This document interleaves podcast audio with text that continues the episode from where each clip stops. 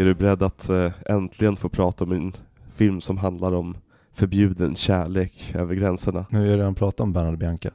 Men, fast det här var ju inte förbjuden kärlek. Jo, alltså om man ser det från McLears perspektiv.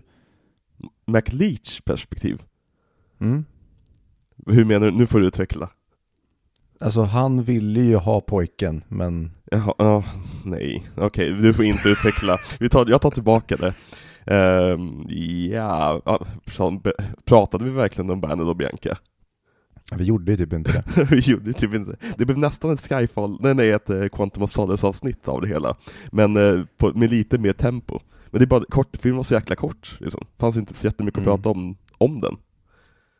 Jo men och sådana avsnitt kommer ju tyvärr dyka upp när det är miniserier där det blir tyvärr filmer som inte är så jävla intressanta att prata om, men de måste finnas med tyvärr. Ja, precis. Men eh, jag hoppas att ni hade kul med det avsnittet ändå, för vi hade rätt kul med det avsnittet också. Så det...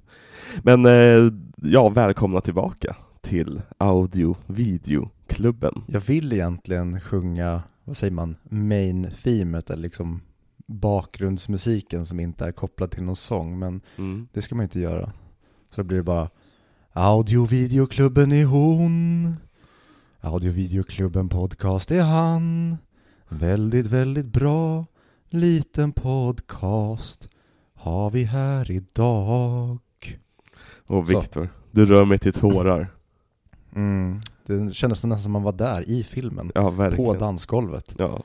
Alltså bara för att hoppa rakt in på det, eh, den scenen är typ en av fyra Disney-scener som bara på något sätt bara lyckas slå på kranen i mina ögon och bara få mig att storböla. Eh, ja. Hashtag metoo. Ja, men det är så här, jag, jag, jag hade sett den tidigare, igår när jag satt och skrev lite manus så hade jag eh, filmen på bara för att ha lite inspiration liksom. Och så kom den scenen och jag blev bara helt, helt transfixed och bara märkte bara att tårarna började rinna över mitt ansikte och jag såg den igår, alltså dagen innan också liksom. Eh, så, Mm. Ja, men det är någonting med härifrån och framåt. Det, det är som att man har små, små pusselbitar. Det är som att nästan man har tatuerats Ja. av vissa delar av de här filmerna och det spelar liksom ingen roll för det, det är som att det, när typ den scenen kommer, då är det inte den scenen som kommer utan det är som att man skickas tillbaka till Precis. när man var typ fem år och man satt i den soffan, den lukten, den känslan. Och då går det nästan inte, i alla fall inte för mig, det går Nej. inte att inte stå emot. Eller jag vet inte heller varför man skulle vilja stå emot för det är helt fantastiskt. Ja. Det kommer vi prata ännu mer om när det är typ en hel film som gör så mm, för mig om några veckor. Där det bara liksom, man är torr och saltig efter man har sett den. Ja. För man har bara suttit och kranat i en och en halv timme. Ja. Men denna vecka ska vi då prata om Beauty and the Beast från 2017. Fuck yeah. Ja, låt oss. vi, ja, vi, vi kan komma in på den, eh, men jag tycker vi kan, vi kan börja med bara, eh, den här filmen finns ju då på Disney Plus som alla andra Disneys filmer. Eh, väldigt lätt Mm. tillgänglig för en gångs skull. Eh, det känns som vi, har, vi på något sätt har vi lyckats pricka i de här miniserierna där filmerna inte går att se någonstans. Det är lite av charmen, vi ska inte vara så lättillgängliga. Ja, fast, ja, ja, mm, ja. Jag vet inte om, vi kanske borde bli lite mer lättillgängliga än typ Ruben Östlund och James Camerons filmer som inte går att se någonstans liksom. Men, eh, Ja, men det är därför vi eh, kompenserar för det den här veckan. Ja, men Eller exakt. Den här miniserien. Ja, den här min miniserien. Och eh, stora delar av nästa miniserie också finns väldigt tillgängliga. Kanske det. Kanske det kanske.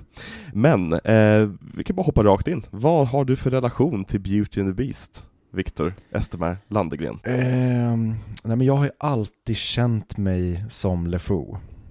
Jag är väldigt lik honom. Jag eh, älskar stora, kraftiga män och eh, det finns en hint av att jag egentligen är en homosexuell stalker. Så I agree. eh, det är väl min relation. Nej, men eh, den här filmen har jag faktiskt inte så jättemycket relation till.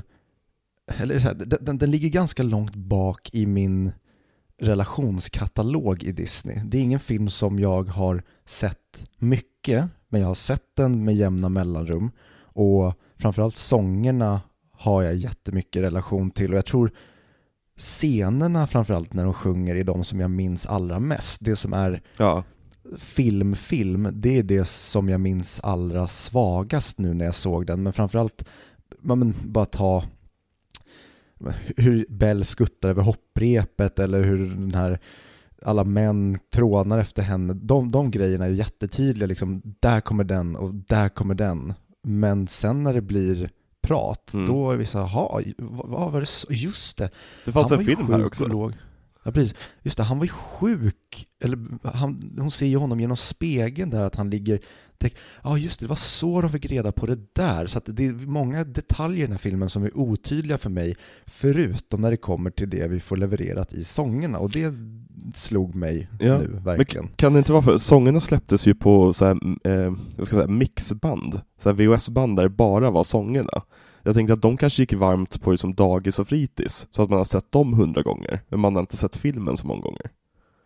Så kanske det är. Och sen tror jag, jag vet inte hur det är, vi pratade om det tidigare i miniserien, det här med de här kassettbanden när man fick som en ljudboksversion, en förkortad version ja. av de här Disney-berättelserna. Jag har inget minne av att jag hade den här, men det kan ju också vara en sån grej att det är bara vissa nuggets från den här filmen mm. som jag har fått inpräntat om och om igen. Mm. Men ja, vad fan ska man säga? Alltså, vad säger man? svingen när, när Bell och odjuret närmar sig kameran i eh, Skönheten och odjuret-sången. Ja. Den har ju liksom funnits med i så många olika trailers och montage och grejer. Det var ju Disneys money shot i flera år. Ja men precis, och det, den, den har ju verkligen tatuerats in stort över hela ryggen känns det som. Mm. Nej men så det är väl typ min relation till den här filmen. Eh, men den det, det, var, vad säger man, det var jävligt kul att nu, och samma sak, vi kommer prata om det de kommande, eh, några av de kommande filmerna, ja. liksom det här med att jag trodde att jag mindes filmen bättre än vad jag gjorde. Och det tyckte jag var väldigt kul och blev förvånad över massa saker. Mm. Eh, så typ det. Och din relation då? Alltså min relation till den här filmen är, det här var ingen film vi hade hemma, och det här var ingen film som några av mina kompisar hade. Men jag har samma relation till dig som att liksom, musiknumren minns jag jätte, jättetydligt. Eh, och det som, jag, jag misstänker sagt att det är att man hade de här liksom singalong-banden på typ dagis eller fritids eller vad som helst, eller hemma hos kompisar. Mm. Eller alltså, innan varje Disney-film så var det en liten pre-roll, när det var typ så här, reklam för andra Disney-filmer. Och då var det ju mm. bitar av låtar, och alltså, jag misstänker att jag fått det där igenom. För att det här är ju en film som jag mer eller mindre upptäckte i vuxen ålder. Alltså, för att, alltså jag har ju alltid varit medveten om Beauty and the Beast, jag har sett den såklart som barn, och liksom, jag har lite grann av relation till den. Men det var när jag började liksom bli lite filmintresserad, och när jag började omvärdera liksom, Disney-filmerna från den här eran, och man började fundera på så här, det här kanske var liksom riktigt bra filmer, det började liksom det började gå från att det här var barnfilmer man växte upp, från, upp, upp med, till att det skulle bli som det här är animerade mästerverk. Och då såg jag om allihopa. Och då upptäckte jag verkligen Beauty and the Beast. Och då satte den sig djupt i själen för mig. För att det, jag har, jag alltid älskat den här filmen. Och jag har en väldigt stark relation också med en av uppföljarna, eh, Beauty and the Beast, The Enchanted Christmas, som är en julfilm jag har sett typ varje år sedan jag var nio år, för den hade jag på VHS. Mm. Eh, ja. Ja, jag tänkte lite på så här, det kommer ju alltid spin-off-grejer på alla Disney-filmer, eller framförallt succéerna som gick på Disney Channel. Mm. Hade den här någon sån? Den här filmen hade två stycken. Eh, den hade, gud, jag måste plocka upp vad den andra hette, för den har jag ingen koll på. Eh, sequels! Eh, först var ju Beauty and the Beast The Enchanted Christmas, som är typ en julfilm med Beauty and the Beast-tema. Eh, och den, den älskar jag, den har jag sett hundratals gånger, eh, men det är antagligen på grund av nostalgi också. Men sen hade vi Bells magiska värld också, men den såg jag aldrig, jag såg bara reklam för den hela tiden. Eh, och sen har vi någon som heter Bells Tales of Friendship som jag aldrig ens hört talas om, och den ser rätt mycket budget ut, alltså mer budget än de vanliga budgetfilmerna. Så jag vet inte, det kanske bara gick rakt ut för med uppföljarna, som med alla andra uppföljare från franchiserna.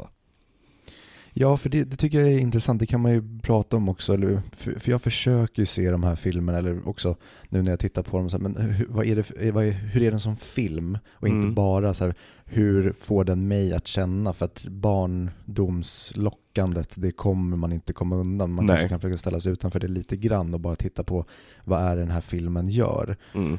Och eh, sen även kolla på då så här, men vad levererar den här filmen i form av då sälja leksaker och, som det då var back in the day.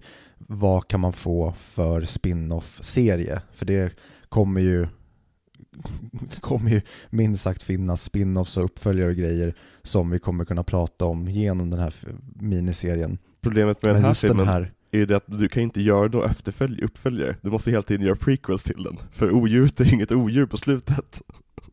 nej precis, och det är ju en, en blessing och en curse egentligen. För Ja, Jag tycker inte det egentligen finns så mycket att hämta här, Nej. alltså, även i typ en prequel. Alltså så här, vad, vad, skulle, vad skulle en prequel handla om? För det finns inga karaktärer jag egentligen skulle vilja följa och se vad som hände innan. men alla de filmerna som har kommit, som har varit som uppföljare, har ju varit in between, in betweenkles, så att säga. Alla utspelar sig på slottet, när Bell är eh, fånge. Ja, och det, sånt där gillar jag inte alls. Utan Nej. så här, lå, låt det vi får berättat när, när vi är nutid då, inom citationstecken i filmerna. Det där får ni inte hålla på att röra, Mm. känner jag. Men finns det någonting intressant att berätta innan eller efter, kör hårt. Och det ehm, Ja, alltså det är klart att det är liksom Disney superkapitalistiskt företag som vill tjäna pengar och sälja leksaker men ibland så vill man bara att så här, slänga ut den här produkten, det blev en supersuccé och kapitalisera på den här produkten, inte på liksom, för, inte stretcha det ut, för det kan jag tycka då blir lite pajigt. Mm. Ja men verkligen. Alltså, Disney, när de släpper filmer så är det ju inte jättemycket att de vill att filmen ska gå plus, utan de vill ju att merchandisen runt det ska gå plus. Det kommer vi prata om lite grann i nästa veckas film, eh, som blev den första Disney-filmen som någonsin gick plus bara på biointäkter. Men ja, så de, de, de pumpar ju ut de här eh, liksom animerade, eh, oftast i ett annat land, oftast av ett lite sämre team, de här uppföljarna som inte alls är lika bra och li- gjorda med samma kärlek. Och det, det kände man ju redan när man var liten. Alltså, om man, jag gillade ju Aladdin uppföljarna, men jag visste ju skillnaden mellan liksom att Aladdin var Aladdin och uppföljarna var uppföljarna.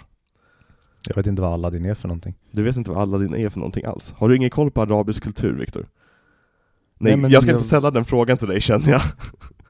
Nej men jag, jag, vet, jag vet ingenting nu, alltså vadå Aladdin? Det, jag har bara koll på liksom det Disney som finns fram tills idag. Jag har ingen aning om vad som eventuellt kommer framöver. Jag tror absolut inte Disney kommer satsa på att göra någonting som utspelar sig i Mellanöstern. Nej, verkligen inte, verkligen inte. Men eh, den här filmen då? Den är ju baserad på en bok, eh, skriven 1756 av en fransman som hette Jean-Marie Le Prince de Beaumont. Han ja. Ja, precis, exakt. Jag käkade musslor igår förresten, på tal om fransmän. Mm. Det var väldigt gott. Det är speciellt typ eh, buljongen som blev av när man hade kokat musslorna i vitvinet och allt sånt där. Alltså det är bland det godaste jag har käkat på länge. Det Mm. blev top notch. Nice. Jag käkade entrecote. Ja men det är också ett franskt ord. Entrecote sa jag innan jag såg Skönheten och odjuret och lärde mig franska. Ja, precis. Mm. Vad, vad har du för relation till Frankrike? Vad tycker du om Frankrike? Den är jä- jätte, jätte, jättekluven. Jag tycker, jag hatar fransmän och framförallt, jag har aldrig träffat en fransman som inte har varit oskön och framförallt Ofta är de så jävla otrevliga och framförallt när, när jag varit ute och rest och stött på fransmän och den gången jag har varit i Frankrike då de är liksom, de, de skiter fullständigt i en, även om man ber om hjälp så är det så här Not my problem. Och den här stoltheten och arrogansen som de egentligen förtjänar. Det är synd att de inte i så fall kunde liksom vara stolta och ha den som en slags fin medalj på bröstet snarare än någon slags arrogant grej för att jag behöver inte lägga manken till för att alla som har kommit innan mig och skapat den här otroliga historien vi har, de, de har gjort det åt mig så jag kan vara ett asshole på grund av det. Mm. Men, Men de, eh, ja, alltså kulturen, historien, språket, alltså det, det är ett så jävla ja, det, det, det går inte att säga nog hur fantastiskt Frankrike är och vad Frankrikes eftermäle än Mm. idag är. Alltså jag, jag är väldigt på samma punkt som du, fast jag väger kanske mer över till kärleken till Frankrike, och just kulturen och maten och liksom allt det där. Ja, nej, jag älskar Frankrike. Jag skulle vilja åka runt i Frankrike bara på typ så här backpackingresa nästan. Man ser jättemånga städer, ser så många städer som möjligt. Liksom. Mm. Äta gott. De, gör, de, de är jävligt bra på det här med mat. Alltså, fo- folk brukar säga att det italienska köket är det bästa europeiska köket, men jag håller inte med alls. Alltså franska köket är så jäkla simpelt i vad de använder sig av, men avancerat i hur de använder sig av det. Alltså, franska köket kan ju bara sammanfattas med typ smör, vitlök och salt liksom. Och med de tre sakerna kan man göra jättemånga roliga grejer. Mm. Nej, jag håller med om att italienska är top notch. Italienska kök, köket, det är ju bara massa kolhydrater. Man blir ju hungrig igen direkt. Men det är i franska också. Eh, men på tal om Frankrike, så skönheten och dju- odjuret kommer ju från Frankrike. Det är Jaha, otroligt. exakt, Beauty and the Beast. Eh, och Disney har ju alltid velat göra en, en, en film av den här storyn. Alltså ända sedan Snövit blev populär så tänkte de att åh, men det skulle ju kanske vara någonting. Men eh, de insåg rätt snabbt att den skulle kräva rätt mycket teknologi som inte än fanns, om de skulle göra den ordentligt och liksom göra så att den verkligen fick sjunga, no pun intended. Eh, så den lades ju väldigt länge på hyllan. Men efter att Roger Rabbit blev så framgångsrik, och det var ju London-teamet som gjorde Roger Rabbit, så bestämde de sig för att, ja men, eh, London-teamet kan få eh, testa sig på att göra Beauty and the Beast och se vad, vad, vad som kan bli av det. Ja, och det blev pannkaka. Ja. Ingen såg den, ingen minns den. Alltså du har ju mer rätt än vad du tror, för att det blev ju pannkaka. För att de tog ju fram ett manus, eh, som är väldigt ovanligt för Disney. För att de brukar ju alltid använda sig av storyboards för att pitcha filmer och liksom berätta vad storyn är, på grund av att det är ett väldigt visuellt eh, eh medie. Eh, men det här manuset var tydligen så pass dåligt att eh, Katzenberg blev jättemissnöjd och han skrotade alltihopa, bara skrotade hela projektet och bad dem börja om igen. Och det var som flera år av arbete som de hade lagt ner.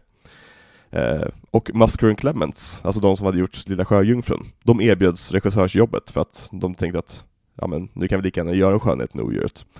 Men eh, de tackade nej, för de var väldigt trötta efter The Little Mermaid. Och det förstår jag, för det, det måste ha varit en otroligt intensiv process. Eh, speciellt eftersom den var så jäkla nyskapande för sin tid. Liksom. Men de som sågs in som regissörer då, det var ju då Kirk Wise och Gary Trousdale. Och när jag var liten så tänkte jag aldrig att animerade filmer hade regissörer. För det känns verkligen som ett mer av ett team effort än när det är en live action-film. Men å andra sidan så, där är ju också en team effort. Men, men kände du någonsin, kollade du någonsin på regissörsnamnet? Nej, och det typ gör jag knappt än idag. Alltså, Nej. de som jag tänker mest på när det kommer till liksom animerade filmer, det är ju Pixars som man Mm. haft koll på. Men även där var det länge så här, men det, det här är ju, det här är ingenting så här, någon ska placera var den ska stå si och så, utan det är väl bara ett gäng som tecknar typ ish, har Mm. jag typ alltid tänkt. Ja. Men någon måste ju vara ledare, så det är rätt naturligt att de har regissörer också. Men jag känner ju Ja, precis som du, precis. att det, är liksom, det känns lite grann som att de är ett, en grupp av människor som sen där alla får turas om att vara regissörer. Eh, Mm. liksom, ja men det här projektet får du leda, det här projektet får du leda, det här projektet får du leda. Eh, men, eh, Ja, men jag tror, jag tänker att det är mer som, tänk att man har typ second unit directors och sånt, att du har en övergripande chef, mm, men sen så lämnar man över ansvaret till så här, men nu ska ni göra den här sekvensen, och sen så dyker han in och liksom kikar så här, ja men precis det är så där jag tänkte, nej ja, men eh, förstora det där, eller lägg den lite si eller så, så att det känns mer som att alla under regissören får mer att göra här än under en liksom klassisk live action film där liksom regissören mm. regisserar säger cut och liksom action. Jo men eh, exakt, alltså, i, i många av de här kommande filmerna så är det ju också så att varje karaktär får ju sin egen regissör praktiskt taget. Eh, Så Mm. det, är, det är väldigt många viljor som jobbar samtidigt och det är det som gör så att Disney kan vara så jäkla innovativt och liksom så pass, att deras stories får stötas och blötas mot varandra hela tiden. Eh, men äh, vad Musker och Clemens, de var ju lite grann huvudregissörerna under hela det här Disney Renaissance. De tog ju typ varannan film, det paret, och resten togs liksom av teamet. Och det är väldigt intressant för att de, de två är två personer som jag har fått väldigt mycket respekt för senare åren. För att jag tycker man märker när en Musker och Clemens film och när det inte är det. För de har en väldigt de har en annan ton som är lite svår att sätta fingret på. De brukar vara lite mer humoristiska i sina filmer. De har ju till exempel gjort Hercules också som kommer komma längre fram. Alltså det vet vi inte. Det vet vi inte än. Nej. Men eh, Katzenberg, han är demonproducenten på Disney. Han ville ju då att filmen skulle vara en musikal, precis som Little Mermaid, för att den hade gått, eh, alltså the, word of mouth på den var jätte, jättestarkt vid det här laget. Och Ashman och Menken togs in igen. Och eh, Howard Ashman hade ju då vid det här laget fått nyheten om att han hade aids och var mer intresserad av liksom, jobba på sitt drömprojekt Aladdin. Eh, men Disney och Ashman kom överens om att om de lät produk eh, produktionen utgå ifrån New York, där han bodde, så han slapp liksom resa fram och tillbaka, så kunde, så kunde han jobba på Beauty and the Beast och göra färdigt den åt dem också. Eh, så både Ashman och Menken togs ju då in för att liksom strukturera om hela manuset och liksom lägga till nya karaktärer, ta bort karaktärer. För de var ju inte bara liksom låtförfattare, utan de var ju även liksom filmförfattare, för att låtarna skulle vara en så pass stor del av filmen. Mm. Och liksom, det var ju till exempel de som lade till alla de här sidokaraktärerna, och även liksom skurken Gaston, eller hjälten Gaston kanske. Eh, eh. Ja men han, han är ju, alltså det här är ju en film som handlar om en man som faktiskt vill byns bästa. Precis, exakt. Han vill bli av med de konstiga människorna och döda odjuret. Ja, helt rimligt. Han vill ju bara att alla... Alltså, det, det, ska vara ordning och reda liksom. Det är intressant hur, nu går jag in på Gaston på en gång, men det är intressant hur Gaston inte har blivit typ ett sånt där alt-right meme. Alltså det är lite grann som eh, Patrick Bateman har blivit. Men alltså, för det är väl också så här, det är väl på grund av att han drivs ju inte av att han vill någonting, utan mm. han drivs ju bara av sin narcissism. Ja. Och hade de, hade de kanske gjort honom lite mer då som att, ja men han kanske vill byns bästa men har kanske ett egoistiskt motiv där under. Mm. Då kanske det kunnat bli så mer, men nu är det ju bara att han är en supernarcissist och så råkar det bli så att det han vill eh, liksom hamnar i, i vägen så att han måste typ göra ja. de här sakerna. Det, det, är en av de få lyckade castingarna i uh, remaken tycker jag. Luke Evans som Gaston. För jag tycker han, han ser ut att så jävla roligt i den filmen. Ja, så jag tycker han, han funkar om man tar hans ansikte, men jag hade önskat att de hade gjort en, en mycket mer större och fysisk Gaston, hade mm. varit kul. Inte, inte liksom Arnold Schwarzenegger, men kanske ta typ så här åt Chris Hemsworth-hållet, ja. att det ska vara en snubbe som ser ut som så här, men du ser ut som ett freak typ. Ja, nej men, och Chris Hemsworth hade kunnat göra den rollen bra också. Ja, shit. Ja. eh, men eh, ja, eh, till, spåra tillbaka lite grann igen. Under produktionen av Beauty and the Beast eh, så vann Ashman och Menken sin Oscar för Little Mermaid, vilket gav dem ännu mer makt då över filmen, när som kan säga till att jo men vi behöver Be Our Guest här, och vi behöver den där låten där, och vi behöver att det där händer, och den där karaktären och så vidare. Eh, så de, de är ju mycket, de är ju en stor del av manusprocessen. Det är lite konstigt att de inte fick en typ eh, story credit eller en writers credit, men de fick ju låt credit, så det, ja. Eh, men mitt under processen då att göra den här filmen eh, så dog Howard Ashman eh, av, av aids. Och han hann ju aldrig få se färdigt hela filmen. Däremot han, hade han fått se liksom work, workprints och typ halvfärdiga versioner. Och eh, han har också fått höra liksom, hur kritiker hade reagerat på det lilla de hade fått sett och liksom, det verkar som att alla skulle, alla skulle älska den här filmen. Så han fick i alla fall dö med liksom, tanken att det här kommer bli en succé. Ja, och sen, sen är det ju synd för att jag vet inte liksom, det är svårt att nå upp genom asfaltet från helvetet och liksom mm. höra upp på jorden vad som sker. Hade han hamnat i himlen och inte bögat, då hade han kanske kunnat lyssna ner på jorden och vad som hände. Åh, oh, Viktor. Viktor. Ska jag verkligen säga som Howard Ashman? Nej, förlåt Ashman, du är en, en hjälte. Synd att eh, vi inte, vi, vi skulle haft de bromsmedicinerna vi hade, eller har idag, då ja. hade det kanske sett annorlunda ut. Ja men för att jag tycker att, alltså jag älskar, äh, alltså Menkens musik, musikvetaren Alan Menken och Howard Ashman, Mm. ja precis, Alan Menken. Jag älskar hans musik, men det känns som att han tappade gnistan efter att Ashman dog. Att han, liksom, de, de var ett eh, writing team. För att Ashman, han skriver texter. Men jag tror att han också hjälpte väldigt mycket till med melodierna och de liksom utvecklade saker tillsammans. För att det, det kommer vi prata om nästa vecka, men man, det finns en väldigt tydlig brytlinje där, i mina ögon. Mm. Mm. Okej. Eh, men eh, en ofärdig version av filmen, eh, där typ 70% var färdigt och 30% fortfarande var sketcher, spelades upp under New York Film Festival. Och då blev det 10 minuter stående ovation, vilket tydligen var jätteovanligt för New York Film Festival. Och då visste man lite grann att, ja men, vi har en, vi har en hit på våra händer. Mm. Och det är, alltså skulle någon bara visa mig första fem minuterna Ja, så skulle jag känna att, nej men, det här är en homerun. Ja. Så du sjunger om det. verkligen. Alltså du kan visa vilket liksom, unikt ögonblick i filmen som helst lite grann, så fattar man vad det är, är för något. Mm. Men Viktor, vad handlar den här filmen om? Oj, oj, oj, oj, oj. Jo, men det handlar ju då om en man som är lite stadens, eller byns hjälte skulle man kunna säga. Alla ser upp till honom och känner sig trygga när han ska beskydda dem. Han har en väldigt eh, ja, men, trogen följeslagare som hjälper honom att eh, hålla koll på saker helt enkelt. Och i utkanten av byn så bor en tokig gubbe och han har även en väldigt vacker men också väldigt knasig dotter som, ja, männen verkar vilja ha, men de kanske inte så mycket vill ha med henne att göra mer än att hon är trevlig att titta på, för hon är lite konstig. Hon är liksom självständig, vilket kvinnor inte ska vara. Hon läser böcker och bildar sig, vilket kvinnor inte ska göra.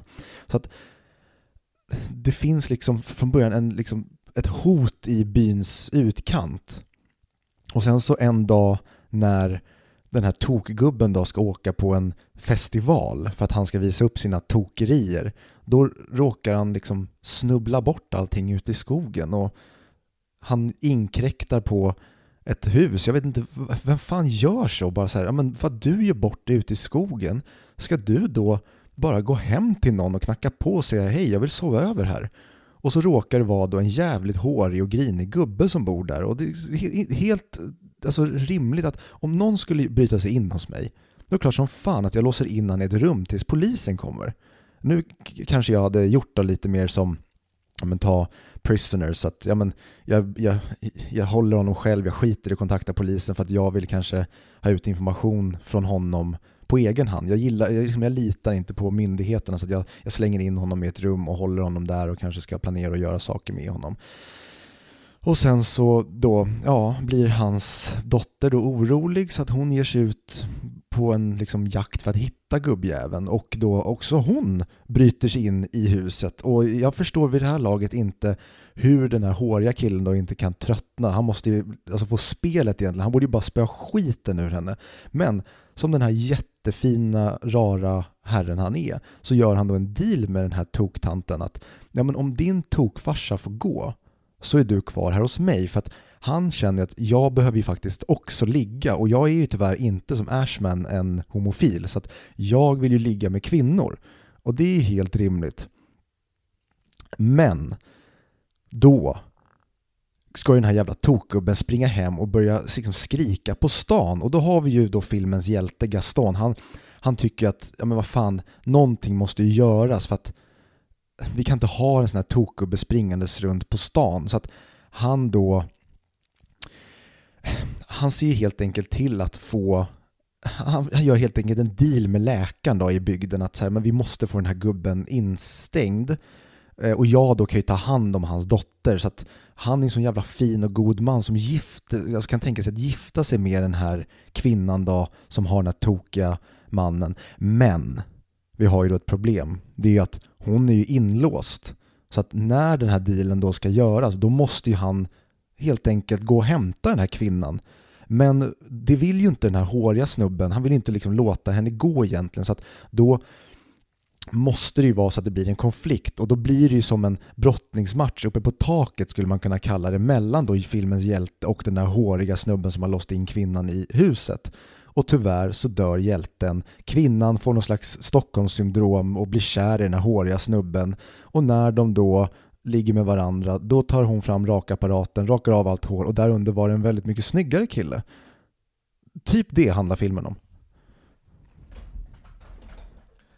Eller har jag missat Ja, något? F- förlåt, jag var bort, jag tog av mig hörluren och gick iväg en stund. Men jag litar på att du har gett lyssnarna en, en bra och eh, skötsam eh, version, synopsis av vad som hände i filmen med tanke på att det är antagligen många barn som kommer lyssna på avsnittet. Eh, gick gick Ja, men allt bra? som, som jag alltid gör. Ja, ja men jag, jag litar på att det, det där gick jättebra, Viktor. Att du fick, Mm. i, tog dig igenom och identifierade vilka som var hjältar och skurkar och sånt där på ett bra och hälsosamt sätt.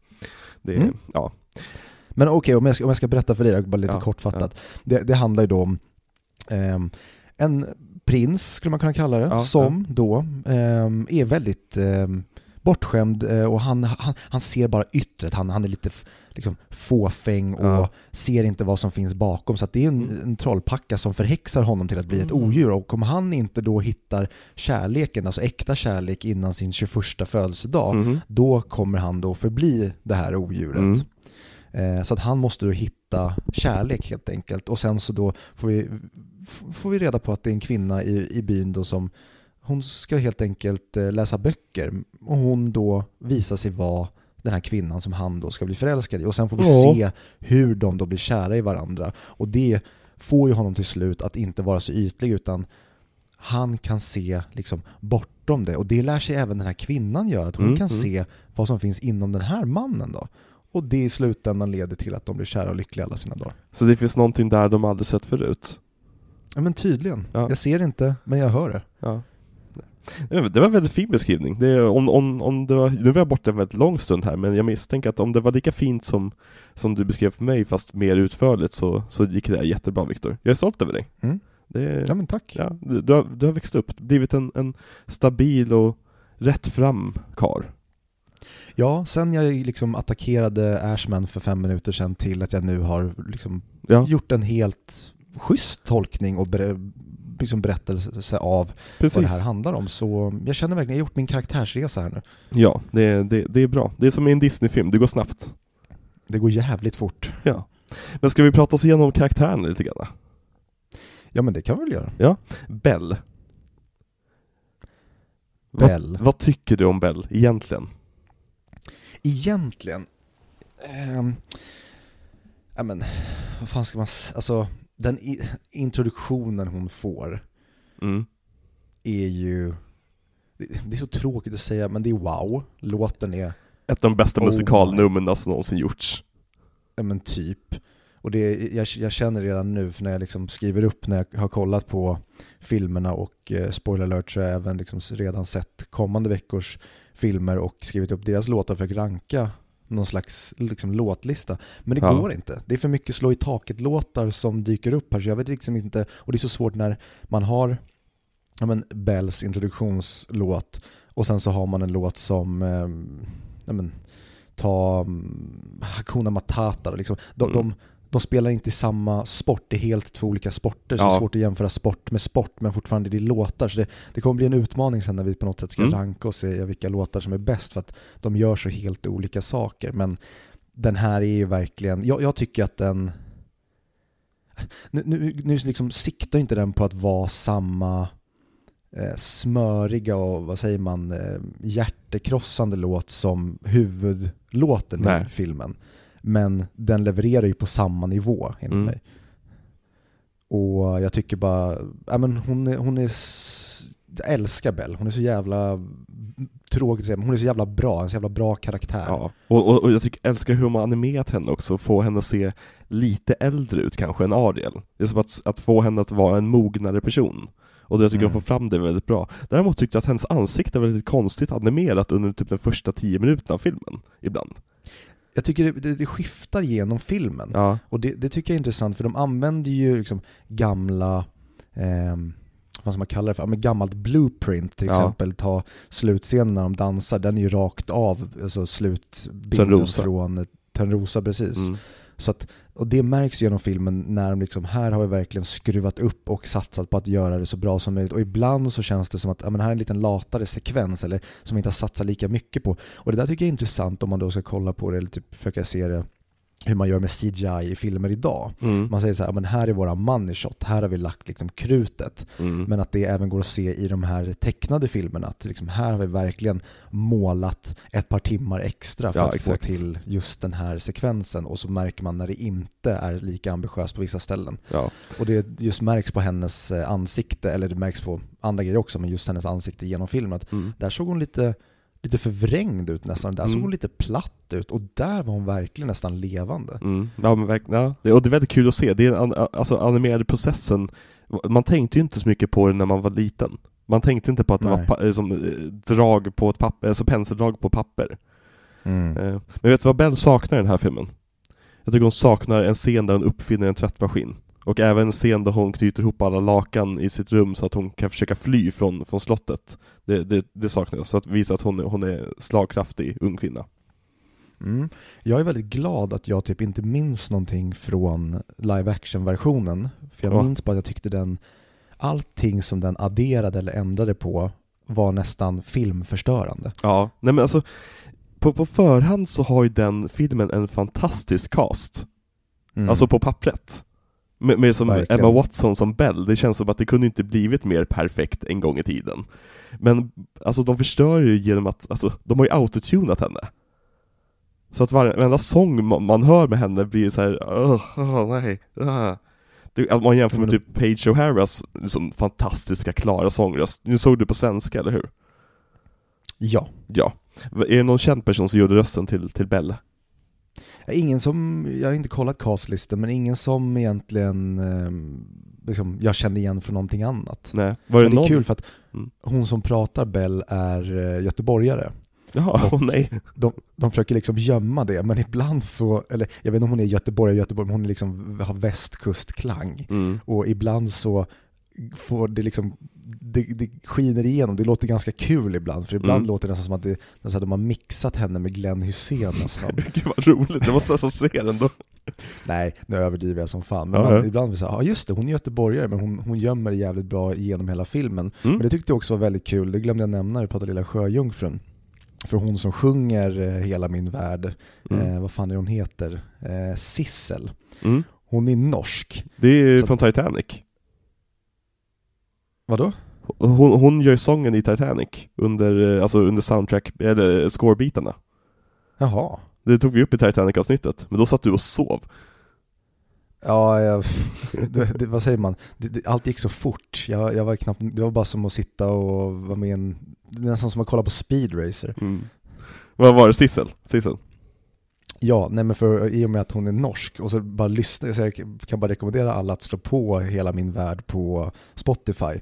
För man hör de delarna när hon inte liksom kan sjunga svenska melodin, Mm. alltså med hur man uttalar saker, så hör man så jävla tydligt. Hon låter nästan ibland typ, ja men nästan som hon skulle komma från typ Mellanöstern i hur hon uttalar saker. För det, liksom norskan när hon nästan försöker få till den och låta, Ja. låta svensk, då blir det nästan som att hon låter så här. Och det är väldigt kul att man hör att ja, här är inte, inte en svensk kvinna som sjunger här. Kul. Det kan ju alla våra lyssnare gå in och lyssna på. För vi tänker inte klippa in en enda sekund av Disney-musik i de här avsnitten. Nej. Det tänker vi inte göra, eh, Viktor Estermar Landegren, för att då får inte vi behålla de här avsnitten någonstans. Frågan är om det kan ju faktiskt vara så att de blir nedtagna bara av min liksom pitch perfect sång som jag sjöng som introlåt. Verkligen. Mm. Disney är ju väldigt, väldigt giriga när det kommer till, och de är så jävla stora också så de kan ju bara säga till vilken, som Youtube eller Spotify, bara plocka ner utan, ja, att man Mm. får säga emot. Sony gjorde ju så, jag kommer inte, jo det var Into the Spider-Verse avsnittet vi gjorde med 100 mick. Mhm. Eh, då plockade ju Sony, eller blev nerplockat för att Sony eh, liksom gick in och, och anmälde eller vad man ska kalla det. Jag vet inte om det ligger uppe idag. För Mm. jag eh, gick in och redigerade det och la upp det igen. Men jag vet inte fan, jag för mig att det blev nerplockat igen ändå. Vad var det de Men, eh, objektade till? eh, det var Sunflower. Sunflower, låten alltså? Som, ja, vi hade den som outro-låt. Vi hade alltid Mm. liksom delar från soundtracket i avsnitten. Men eh, fan, Lejonkungen-avsnittet blev aldrig Nej. Nice. klagat på. Så ja, Skönt. jag vet inte riktigt hur de... Vi fick en copyright strike på uh, Quantum of Solace. Men eh, den, den löste jag. Mhm. med mina kontakter. Nej, Eh, man fick ett, jag vet inte hur det var förut, men jag fick ett formulär skickat till, till mig av, Spotify. Det var typ så här: vi har upptäckt att du spelar Jack Whites Another Way to Die i eh, avsnittet. Nu lägger jag inte på Muse dock. men eh, Ja. Another Way to Die. Och sen så fick, fick man fylla i typ så här: jag har rätt att använda det här i kritik eller parodisyfte. Och då bara bockade i den och skickade in, sen så har vi inte hört någonting. Ja, nu försökte vi tjäna pengar på det så du ljög ju. Ja, precis. Fast man får tjäna pengar på det. det är bara, alltså, så länge man recenserar, och vi sitter ju faktiskt och pratar om låten när låten spelas. Så det är väldigt svårt att argumentera att vi inte recenserar låten. Men å andra sidan så görs Nej, allt det vi här spelar upp automatiskt. den rakt av i hopp om att folk ska lyssna på vårt avsnitt för att lyssna på låten istället för att faktiskt lyssna på låten på Spotify. Så märkligt. Allt det där är så märkligt. Uh, upphovsrätt är någonting vi skulle kunna prata väldigt mycket om någon gång. Eh, speciellt med tanke på vårt hemliga HBO-konto. Eh, Mhm. Eller snart är det bara vårt hemliga Max-konto. Ja, Fy fan. Nej men jag älskar, älskar Bell. Bell var en så här barndomskärlek i det att hon var med i så mycket annat och jag hade den här uppföljare VHSen också. Eh, och Paige O'Hara, hennes röst är det, det är typ som att höra typ min drömflickvän sjunga för mig så att säga, när jag var barn. För hennes röst är bara så bubblig och, och glad och trallig Alltså varje låt hon sjunger i den här filmen, och även i uppföljarfilmerna, eh, då kan jag lyssna på på repeat. Det, jag, tror, jag tycker nog hon har en av de vackraste rösterna i, i världshistorien. hmm. Men det är mycket nostalgi där också antagligen. ja 100 procent. Ja. Eh, men Beast då? Vad tycker du om Beast som karaktär? Han är kanon och jag tycker Mm. framförallt att de just lyckas få honom både svinläskig och svinrolig. För att han är väldigt rolig som den här lite, ja men lite Arnold Schwarzenegger rolig. Han är rolig för att han är så stor och klumpig Ja, och just ska vara den här, ja men han är så alfa att han till och med är ett odjur. Så mycket, han är liksom toxisk maskulinitet och det gör de väldigt mycket roligt av i den här filmen. ja men de, de lyckas få ut så mycket medmänsklighet genom på en gång. Så fort han Mm. liksom står, ta bara scenen när han står och försöker bjuda Bell på middag utanför hennes dörr. Mm. Och han liksom gestikulerar mot dörren när, när hon säger nej. Och de liksom pushar på att han ska fråga mer. Eh, den scenen är en av filmens bästa scener, för där, där visar, visar verkligen att det, han är verkligen en, en söt kille egentligen, som är fast i det här odjuret.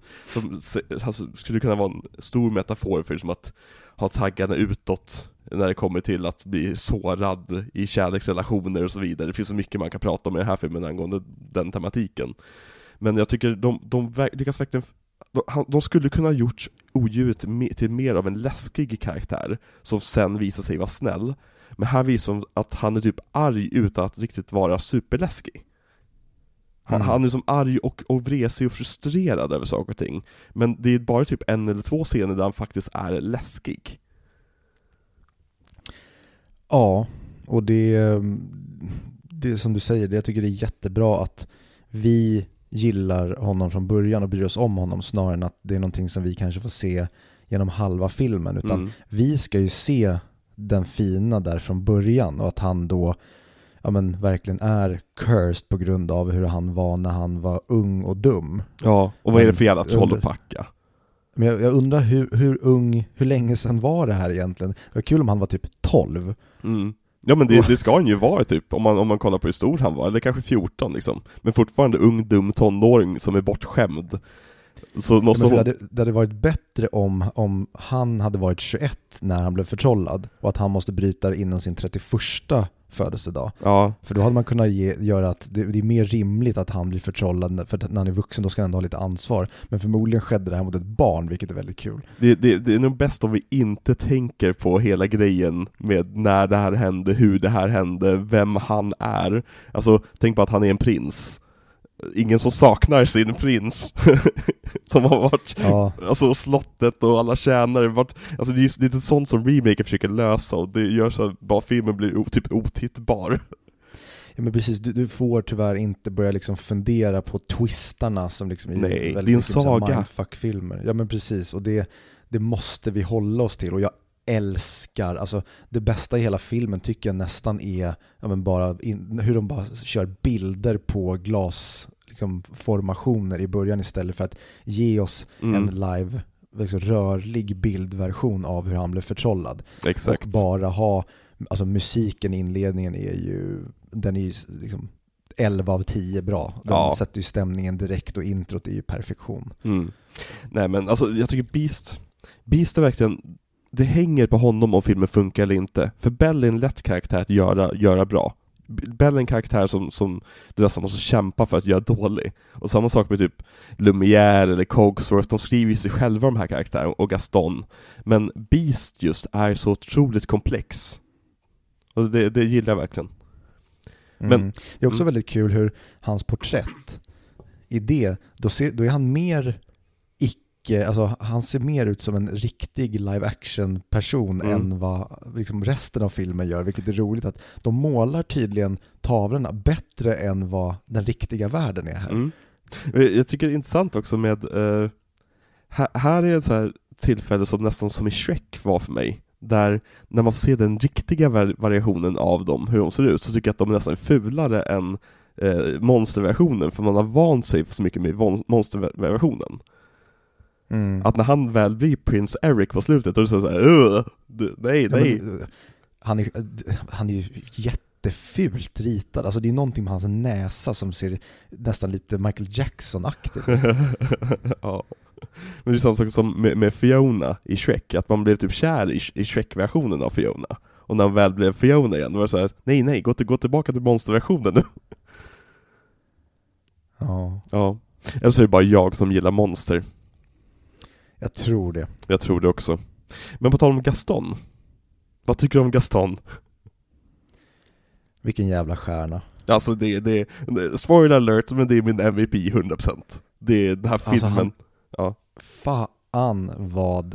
Det, det, nu är det inte en, en skådespelare, men fan vad han har roligt Gaston Ja. i liksom den här tecknade filmen. ja men fan vad de tecknarna hade roligt med Gaston, om man säger så då. Verkligen, alltså han är, han är så roligt framtagen och bara hans narcissism är så jävla kul och de, alltså humorn i den här filmen är verkligen det, det kommer komma filmer som har ännu bättre humor men här Mm. börjar de ju verkligen trappa upp humorn på ett sätt som bara, oj jävlar vad det här ändå är vågat men det går hem så jävla bra. Ja men han, han är ju verkligen den här parodin på eh, Sigma-mannen liksom, eller alfan liksom. Eh, Mm. Det är, tycker de gör så jäkla bra, och hur, de bara animerar hur han är jättesnygg men är typ groteskt snygg. Att han typ misshaped i hur snygg han är i ansiktet liksom. Verkligen, och att till och med, alltså Bell liksom, hon erkänner ju att men han är hur vacker som helst Mm. Men på grund av hans personlighet så är han ju skitful. Ja exakt. det tycker jag är så himla roligt med ta bara de här tre tjejerna som är förälskade i honom.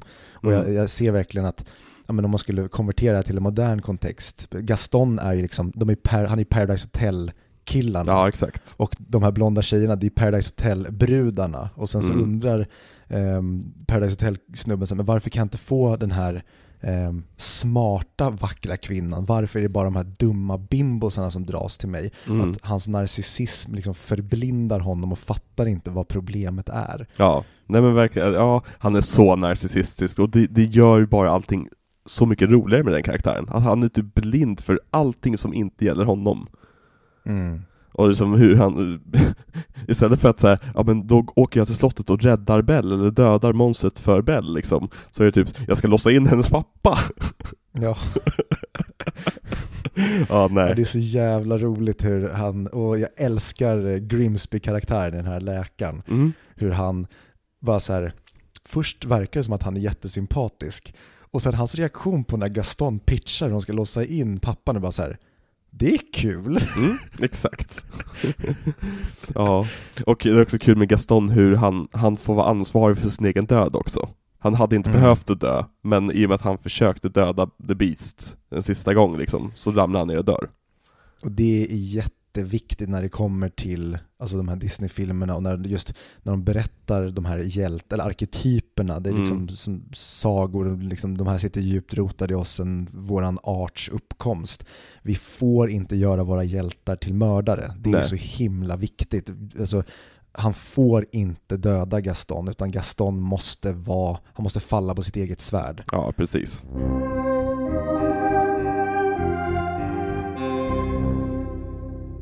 Nej men så den, men Mm. jag, vet, jag, jag kan egentligen inte vara kritisk mot filmen, eller vi kanske kommer in på själva filmen när vi har pratat klart casten, så vi kanske Mm. bara ska gå vidare till, till nästa om vi känner oss klara med Gaston. Ja, eh, Lumière. Vad tycker du om Lumière? Jag har alltid, jag alltid, jag har alltid varit svå, svag för Lumière. Jag, jag menar inte att jag, jag tycker om honom mycket, jag har bara aldrig brytt mig om Lumière.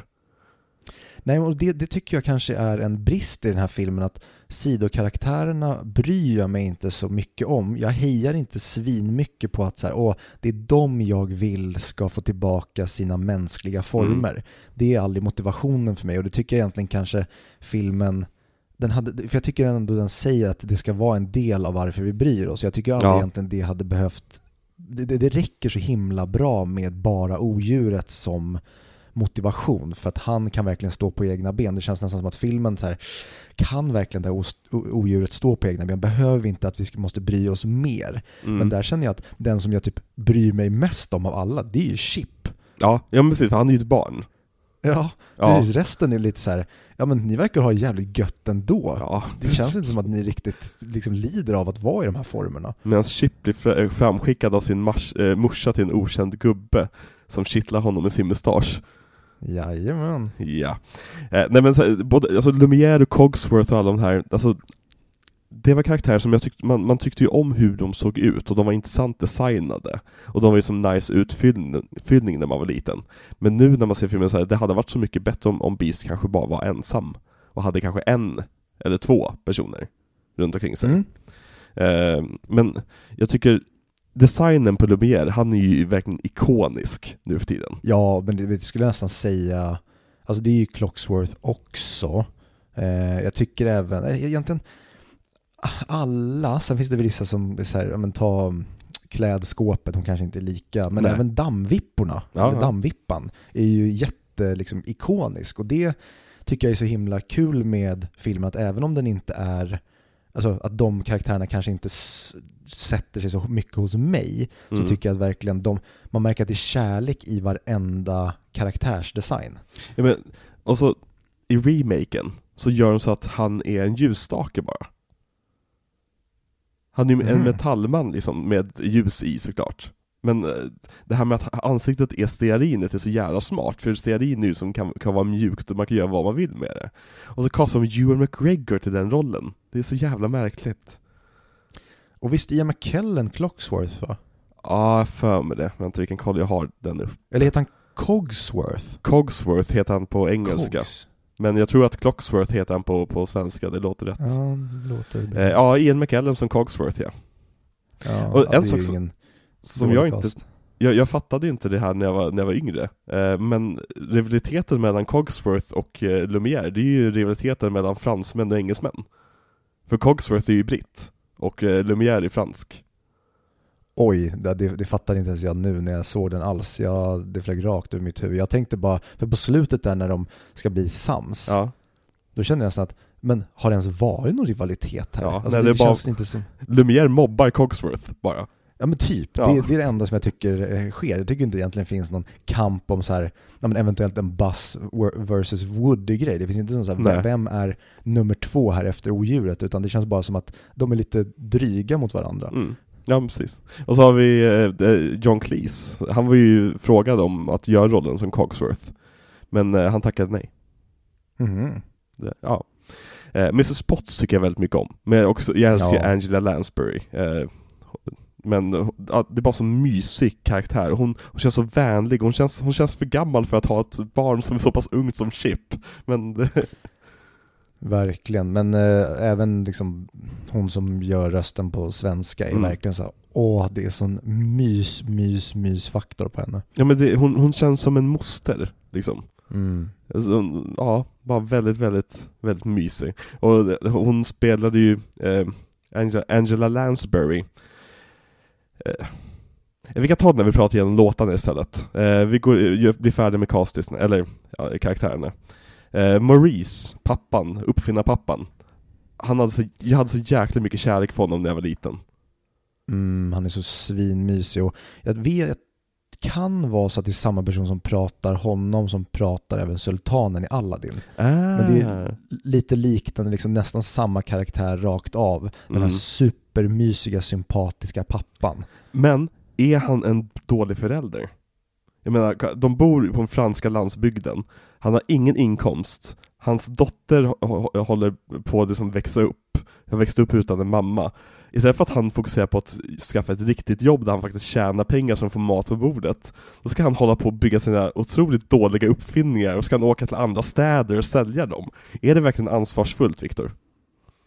Alltså, ska man ge honom benefit of the doubt, då är det ju att han är en, su- alltså, han är entreprenör, han måste ta risken för att en dag, de, det kanske är så att de behöver leva fattigt och ha det så, men en dag när han väl lyckas sälja sin, sitt företag då, då kommer Mm. de leva som de, alltså om de vore liksom kung och drottning eller kung och prinsessa, och då hade inte Belle behövt odjuret. Nej. Men i och med att det här är Gastons film så har ju Gaston rätt. Det här är ju en idiot. Han Mm. ska ju låsas in. Alltså Gaston räddar ju Belle från en jävla idiot. Ja men precis, han räddar Belle ur misären.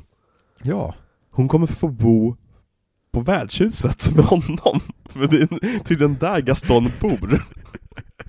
Tydligen. Ja, men han sjunger ju I have antlers on all of my de- decorating och så visar de värdshusets inredning. Ja. Mm. Ja, Gaston alltså. Vilken kar va? Ja, jag hade gjort allt för att få vara med honom. Och vet du vem som också hade gjort allt för att få vara med Gaston? LeFou. Jajamän. I alla fall om man tolkar Disneys remake från 2017. Eh, och även den här. Vad tycker du om LeFou? Han är kul. Jag tror att det är... Nej, det är det nog inte. Jag kan säkert minnas, jag för mig att det är Claes Malmberg som pratar honom på svenska, men det är nog inte det. Det är nog bara någon annan random göteborgare eller någon som inte är Varför är det så många göteborgare med i den här filmen? Ja, för de är kul. För att de har kul? Fan, det är ju Tommy Körberg som gör odjuret ju. Jajamän. Och Claes Malmberg gör LeFou. Men kul att de är Tommy Körberg i en roll som knappt sjunger. Ja, eh, han är ju Vad tror- väldigt, väldigt eh, anonym. Ja, vad märkligt. Så kolla, ja, Jan, Jan, Jan Malmsjö som Lumière. Eh, kul med just Claes Malmberg som LeFou, jag kan verkligen inte höra det men, eh, ja. ja Nej, LeFou är speciellt. underbar. Vad tycker du om LeFou i remaken? Det, det känns ju Alltså- också på förhand som så jävla bra casting med Josh Gad. Ja men jag tyckte, jag för mig att jag tyckte nästan typ han var bäst i filmen. Det kändes som att han verkligen Mm. försökte göra original LeFou så mycket som det bara gick. Mm. Nej, men, och han också, han, precis som, jag tror han och Luke Evans hade jätteroligt under inspelningarna. För de, Mm. deras scener var verkligen varma på ett annat sätt än vad de andra scener var. Ja, verkligen. Ja. Det ryktades ju om att eh, Disney Plus skulle släppa en, en spin-off med de två. Just det. En prequel. Det hade nog kan, kunnat vara rätt kul om de fick ta ut svängarna lite grann. Ja, alltså, hade, och det, men det hade också krävt då att filmen skulle ha varit så jäkla mycket bättre och blivit Ja. liksom en större succé. För att nu känns det som att, vem, vem, hade, vem hade faktiskt sett den? Det känns inte som att någon hade kollat på den, det känns bara som att någon hade slängt pengar i sjön. Ja, precis. Och även fast liksom, Beauty and the Beast-remaken blev ju tekniskt sett en finansiell succé, så blev det ju inte direkt en kritisk succé. Folk har ju redan glömt bort att den kom praktiskt taget. Ja, det är faktiskt otroligt hur, men det tycker jag nästan med alla deras nu live action-versioner, de är så jäkla bleka. Ja, verkligen. De är verkligen alltså, samtidsskadade. Hade de kommit för kanske, ja, men, hur kulturen var för 10 år sedan, eller nu tänker jag till 2015, för 15 år sedan, eller det blir 17 år sedan till och med, Ja, typ 2005, och de hade gjorts med samma, ja, men, att man vågar sikta så högt som man gör i originalen, då Mm. tror jag det kan bli riktigt bra. Men de är så jävla fega. Mm. Och det är det som, som har stört mig mest. Det är att de är så jävla tråkiga. De får mig bara att vilja se originalen. Och jag tror inte att det är deras intention. Givetvis ska de påminna mig om, om att originalen finns. Men du kan inte gå in och göra ett verk med så här, vi får inte göra det bättre än originalet, vi måste göra det safe. Jag tror bara att de, de kun, kan inte bättre, de är, de är för dåliga och därför längtar vi efter originalen. Ja, men problemet är ju det att de försöker göra remakes på nästan perfekta filmer. Alltså, som funkar så bra i sitt eget medium. Ta, ta de här storiesarna som, som blev lite sämre. Gör en remake på, på The Black Cauldron. Gör en remake på The Rescuers Down Under. Eller på Tarzan. Eller någon annan film som inte blev kanske så jättelyckad. Gör, försök, Det vet vi inte.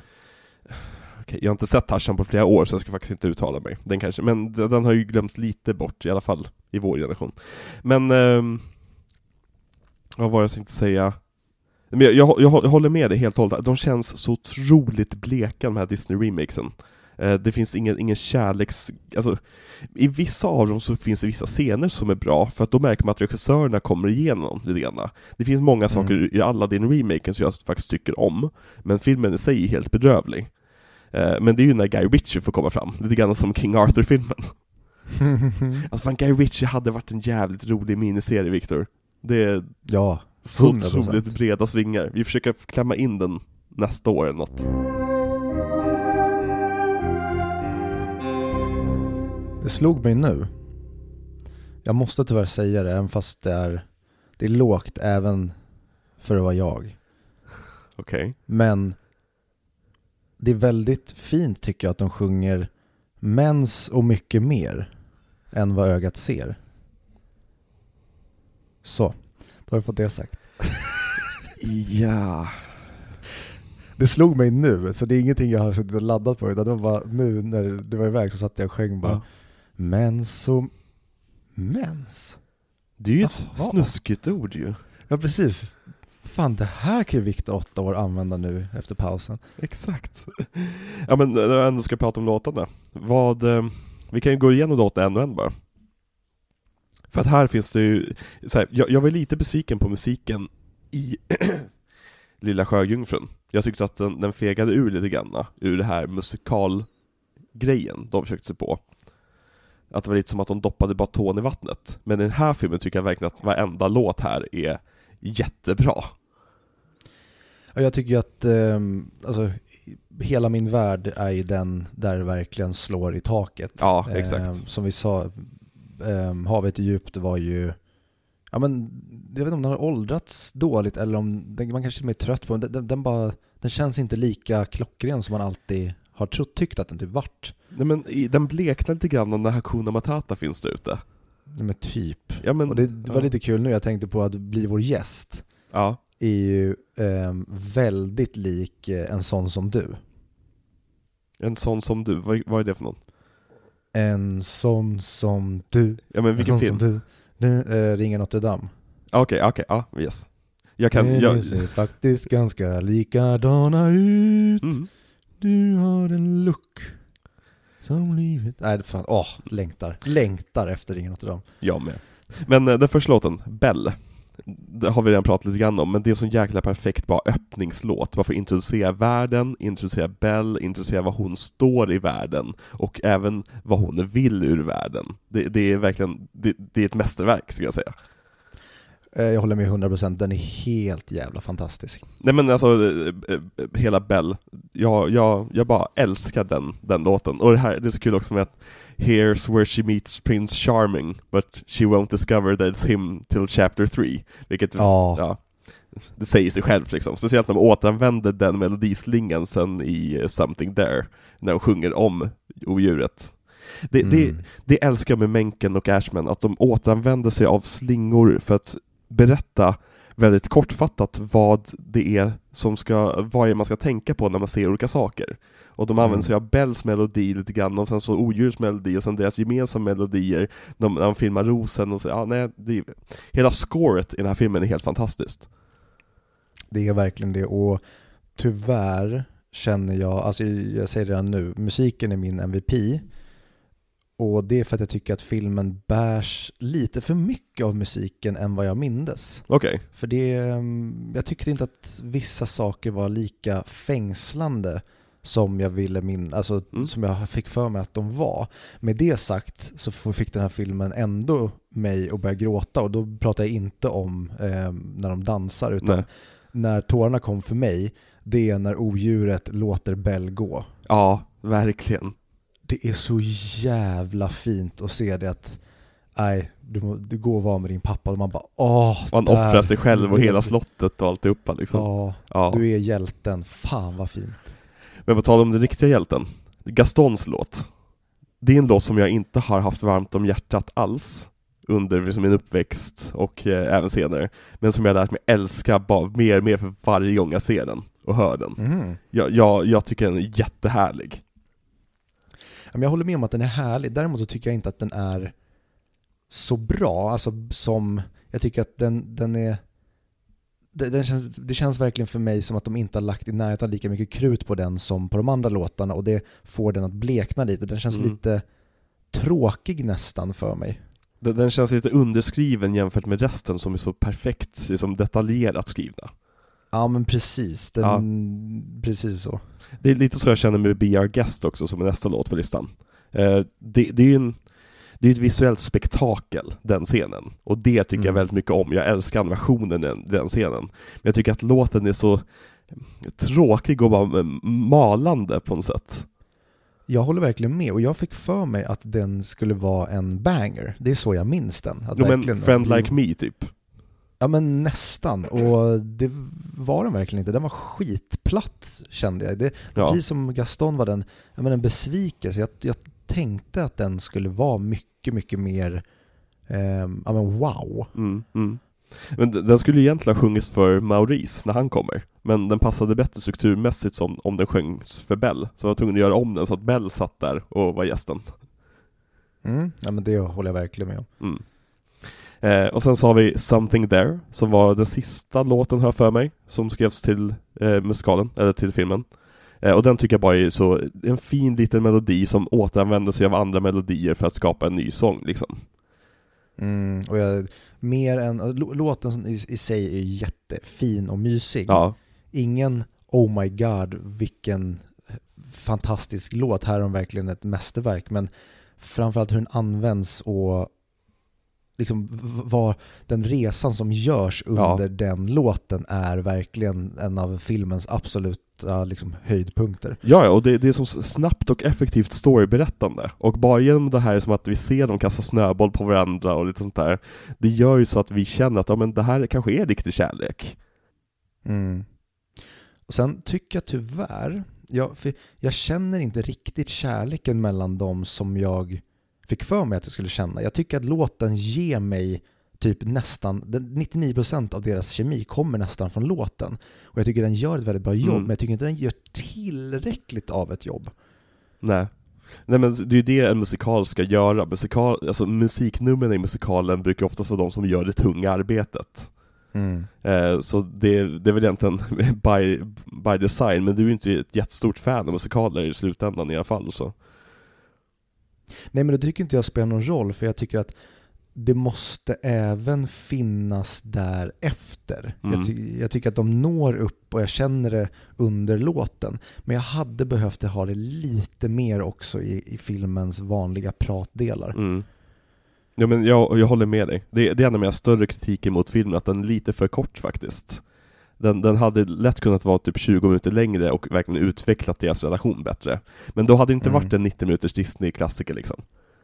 Nej, den är till och med 80 minuter. Ja. Den är bara 120, en timme och 20 minuter när eftertexten kommer, vilket Ja, som du säger, den hade istället kunnat vara en timme och 40 minuter och Ja. så hade man kunnat spendera ännu mer tid i slottet. Eller så kanske man kan göra någon slags prequel, mid, mequel som finns där vi får se deras relation i slottet. Men eh, nej, det Mm. vill jag inte ha. Nej. Och sen har vi då filmens stora banger. Eh, och det är ju då Beauty and the Beast. Huvudtemat. Den som sjungs när de dansar. Wowie, wowie, wowie, wowie, wowie. Ja, nej men alltså det här är ju, det här är en låt som, jag minns hur jag pratade om, om My Heart Will Go On i eh, Titanic-avsnittet, och det här är en låt som får, Mm. ger mig exakt samma reaktion. Det är som den, den tar sig in i ryggmärgen på mig och stannar där. Och den, den är så fin i det att den sjungs av en äldre dam också. Och inte som någon Mm. liksom ung sopran eller allt som bara så står och så bara brassar på, utan den känns så öm. Den känns verkligen som en, en person som älskar de här två personerna som berättar om de två personerna. Mm, och att hon sjunger den till Chip Mm. är så himla fint. Att du, du, och de säger det genom filmen också, att så här, när du blir lite större då kommer du att förstå. Ja, det, det är ju ett återkommande skämt som är väldigt roligt faktiskt i filmen. Att han inte förstår Mm. liksom, varför vill ni att de ska vara i samma rum här för? Varför vill ni, att, Mm. varför blir ni glada över att de är vänner? Vad är, vad är det som pågår här liksom? Mm. Ja. Men det var ju först menat att det var en eh, rocklåt, den här låten. Med lite högre tempo. Eh. Okej. Men Ashman och Menken kom eh, som tur var på bättre tankar och bestämde sig för att göra om den till en ballad. Och då frågade de Angela eh, Lansbury då att sjunga den. Men hon sa nej, för hon tyckte inte att den passade hennes röst och hennes omfång. Vilket egentligen stämmer, hon brukar oftast vara lite mer skrikig och gällig när hon sjunger. Hon, hon har väldigt mycket en tantröst när hon gör sina roller. Men hon övertalades till att göra en tagning. Och när den tagningen var över så var alla i studion i full gråt och den tagningen är den som vi hör på i filmen, på skivan och som vann filmen en Oscar. Pang bom. Ja, en tagning, alltså det, och sjunger så rent och fint också. Hon, alltså, ja gud. Jag kommer kan nästan tro att det var Clint Eastwood som regisserade. ja. Nej, men jag kommer ju, som jag varit inne på tidigare, jag kommer gå djupare in på just de här melodierna och hur Ashman och Menken har skrivit det här, för att just den här låten, Beauty and the Beast, är ett mästerverk på så här matematisk nivå. Eh, det, ja. Men sist, eh, eller har du några fler tankar om Beauty and the Beast, eller ska vi gå över till sista låten? Nej, allt har typ sagts. The Mob Song, vad heter den på Ja, svenska? Jo, ja men... Vad, fan, vad är det de sjunger? Han ska, han ska dö. Oj. Ja, ja, jo men vad fan, jo det är det de sjunger. Han, han ska dö, han ska dö, jo. Mm. Ja, jag, jag gillar, men jag gillar framförallt, eh, kanske inte låten i sig är väl, den är väl ganska liksom, Mm. den gör det den ska. Men just det att de sjunger att han, han ska dö, och sen när de når slottet sen, och jag älskar att filmen visar knivhugget in i odjuret, Ja. och att det kommer blod. Mm. Bara, what the fuck, vad gör ni här? Exakt, och vi, vi har haft den lite mer komiska sekvensen innan, när som, de blir besegrade på komiska sätt, och liksom någon får på sig kvinnokläder och blir jätteskrämd och springer därifrån. Eh, Mm. Men så liksom bryter vi med liksom att Gaston håller på att mörda odjuret. Ja, och det, jag tycker det är så jäkla bra karaktärsmoment för Gaston som verkligen slår i spiken i kistan på den egentliga fegisen han är. När han skjuter odjuret fast odjuret har vänt sig om och har Ja. ryggen emot honom. Exakt. Ja men det, det, det är antagligen så han har dödat alla djur i sin, som han har dödat, och troféer Mm. dem. Han sig på dem när de är svaga. Ja, nej, jag tycker det är också en jättebra låt. Kanske, kanske lite mer i mitten, eh, om man ska ranka filmens låtar, The Bob Song. Men jag tycker den, den det storyögonblicket är väldigt bra, och det är väldigt bra skurklåt liksom. Mm. Vad har du för kritik mot den här filmen? Förutom att du inte känner att, att eh, eh, kärlekshistorien är, är tillräckligt utvecklad. Nej men jag tycker jag har nog sagt den kritiken jag har. Jag tycker inte att sidokaraktärerna är lika lovable, eller de i alla fall sätter sig inte lika hårt hos mig som eh, framförallt kommande filmers sidokaraktärer kom, kanske kommer att göra. Mm. Men det känns också som, för mig är det här, ja men Lilla Sjöjungfrun var en 3 av 5. För mig är det här en klockren 4 av 5. Mhm. Så det känns som att men nu börjar de, de börjar hitta vad det är som funkar och så för varje film nu, spoiler alert, känns det som att de hela tiden utvecklar det och lägger till grejer och de verkligen börjar det här är liksom försök nummer två och jävlar, det blev ju ännu bättre än Lilla Sjöjungfrun. Vad kan vi göra då med kanske försök tre nästa film? Ja, vad, kom, vad kan vi ta, ta med oss från det här och, och göra ännu bättre till nästa gång? Ja men det känns nu när de ser dem i ordning känns det verkligen som att de lär sig nya saker med varje film. Och det är väldigt spännande Mhm. att se. Verkligen. Ehm, För att de, de utvecklar ju till exempel Pixars kapsystem i den här filmen, och även lyckas göra rätt revolutionerande tagningar med CGI-grejer. Som till exempel Mm. de här Dolly-tagningarna när de snurrar runt eh, Skönheten och odjuret. Det, det är ju Ja, det är... det är liksom det Caps är gjort för egentligen, att ha en, en bakgrund och sen så en förgrund och låta dem prata med varandra. Ehm, men även handmålade teckningar i den här filmen får liksom ett större djup, eh, för att de har lyckats gå tillbaka till en teknik som användes innan 60-talet, som sen var tvungen att skrotas på grund av sättet man spelade in och, och liksom skannade av bilderna. Och det är därför den här ser väldigt mycket mer ut som kanske en, en, en Törnrosa eller en, en som snö, eller Snövit eller en Askungen än vad tidigare Disney-filmer däremellan har gjort. För Mm. att även om de har gått fram med tekniken har de också gått tillbaka i tekniken. Mm, jo men då, det märks hur de, de använder olika tekniker på olika ställen. Jag vet, jag vet inte riktigt om jag gillar det, att det är väldigt fint och jag tycker om att de ändå inte bara kör på det nya, coola, balla, häftiga. Eller om det är till filmens nackdel. Jag tror inte att jag tycker att det är till filmens nackdel för att jag gillar det. Så jag Mm. typ lämnar det där. Mm. Men ja, mer av kritiken, förutom sidokaraktären är inte lika älskvärda. Jag tycker inte, så, som jag sa, att kärleken känns på samma nivå som jag vill minnas att den kändes. Det hade behövt lite mer tid att få dem att verkligen, men samtidigt, det här ska liksom vara en arketypisk berättelse, en saga, så att det kanske inte är just de här tvås liksom, totala kemi vi ska känna, utan det är mer det här hände och nu bara så här presenterar vi det för er men samtidigt är det en film så du måste Mm. få oss att känna det för att du ska slå i taket. Så jag vet inte hur jag känner. Jag, jag är inte jättekritisk alls mot den här filmen. Jag tycker bara att den inte... Det, det fattas en, en liten bit till för att den här ska slå i taket för mig och är därför Mm. landar på en 4 av 5 och inte blir en 5 av 5. Vet du vilka som slår i 5 av 5? Nej. Våra underbara, fina, snygga patrons som aldrig skulle lägga en 12-formel över ett helt slott på grund av vad en åttaåring gjorde.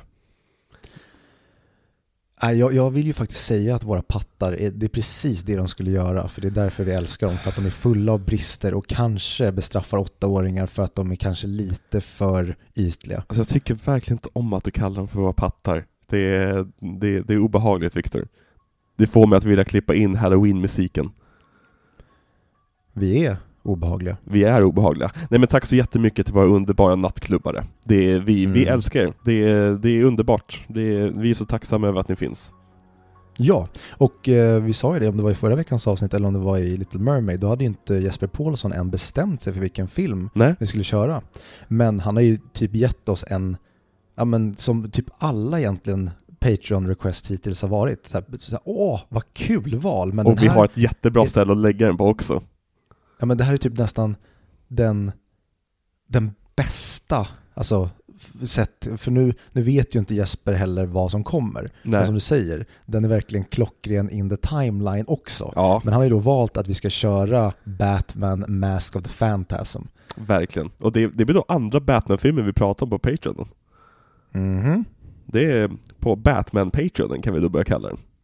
Mm. Mm. Nej men eh, jättekul, animerad film släpptes på bio eh, också. Eh, och det är ju det är en sån här film som väldigt många anser vara den bästa Batman-filmen. Eh, så det ska Mm. bli väldigt kul att se vad den gör för något. Och det är, jag, jag tycker väldigt mycket om den sedan tidigare, men nu har jag inte sett den på några år, så det kanske är att jag hatar den, Jesper. Jag kanske hatar Mm, filmen nej, du har men- valt.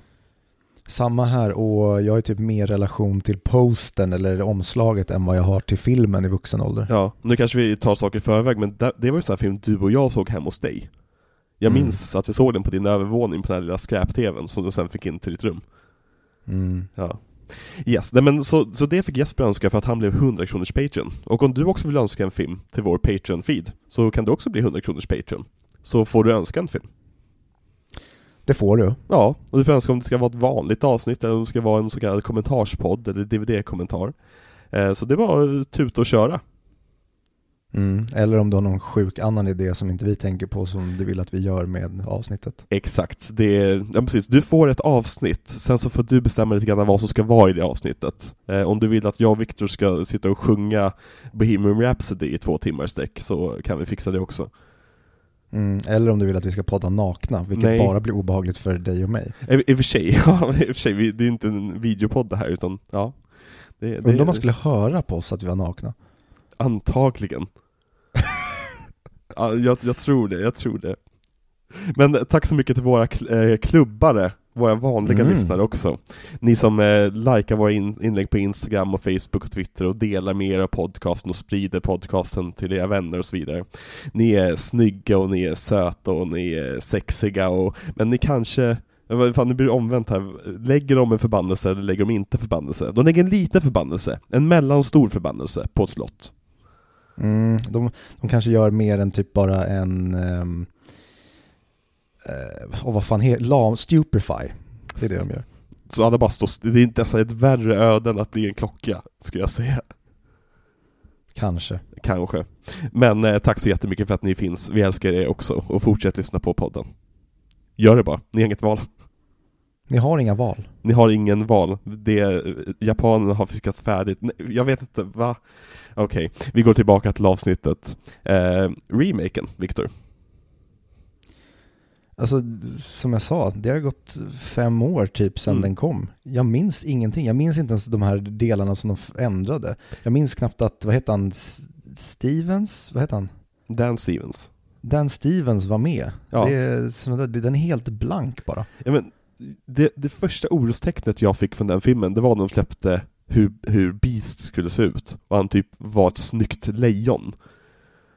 För det älskar jag verkligen med den här filmen, att de har gjort honom till ett väldigt unikt monster. Att han är typ Mm. bison, och lejon, och eh, typ, ja, massvis olika djur samtidigt. Men han är så jävla bra och ikonisk. Ja, verkligen. Ikonisk design. Mm. Något annat designval du tycker om i filmen?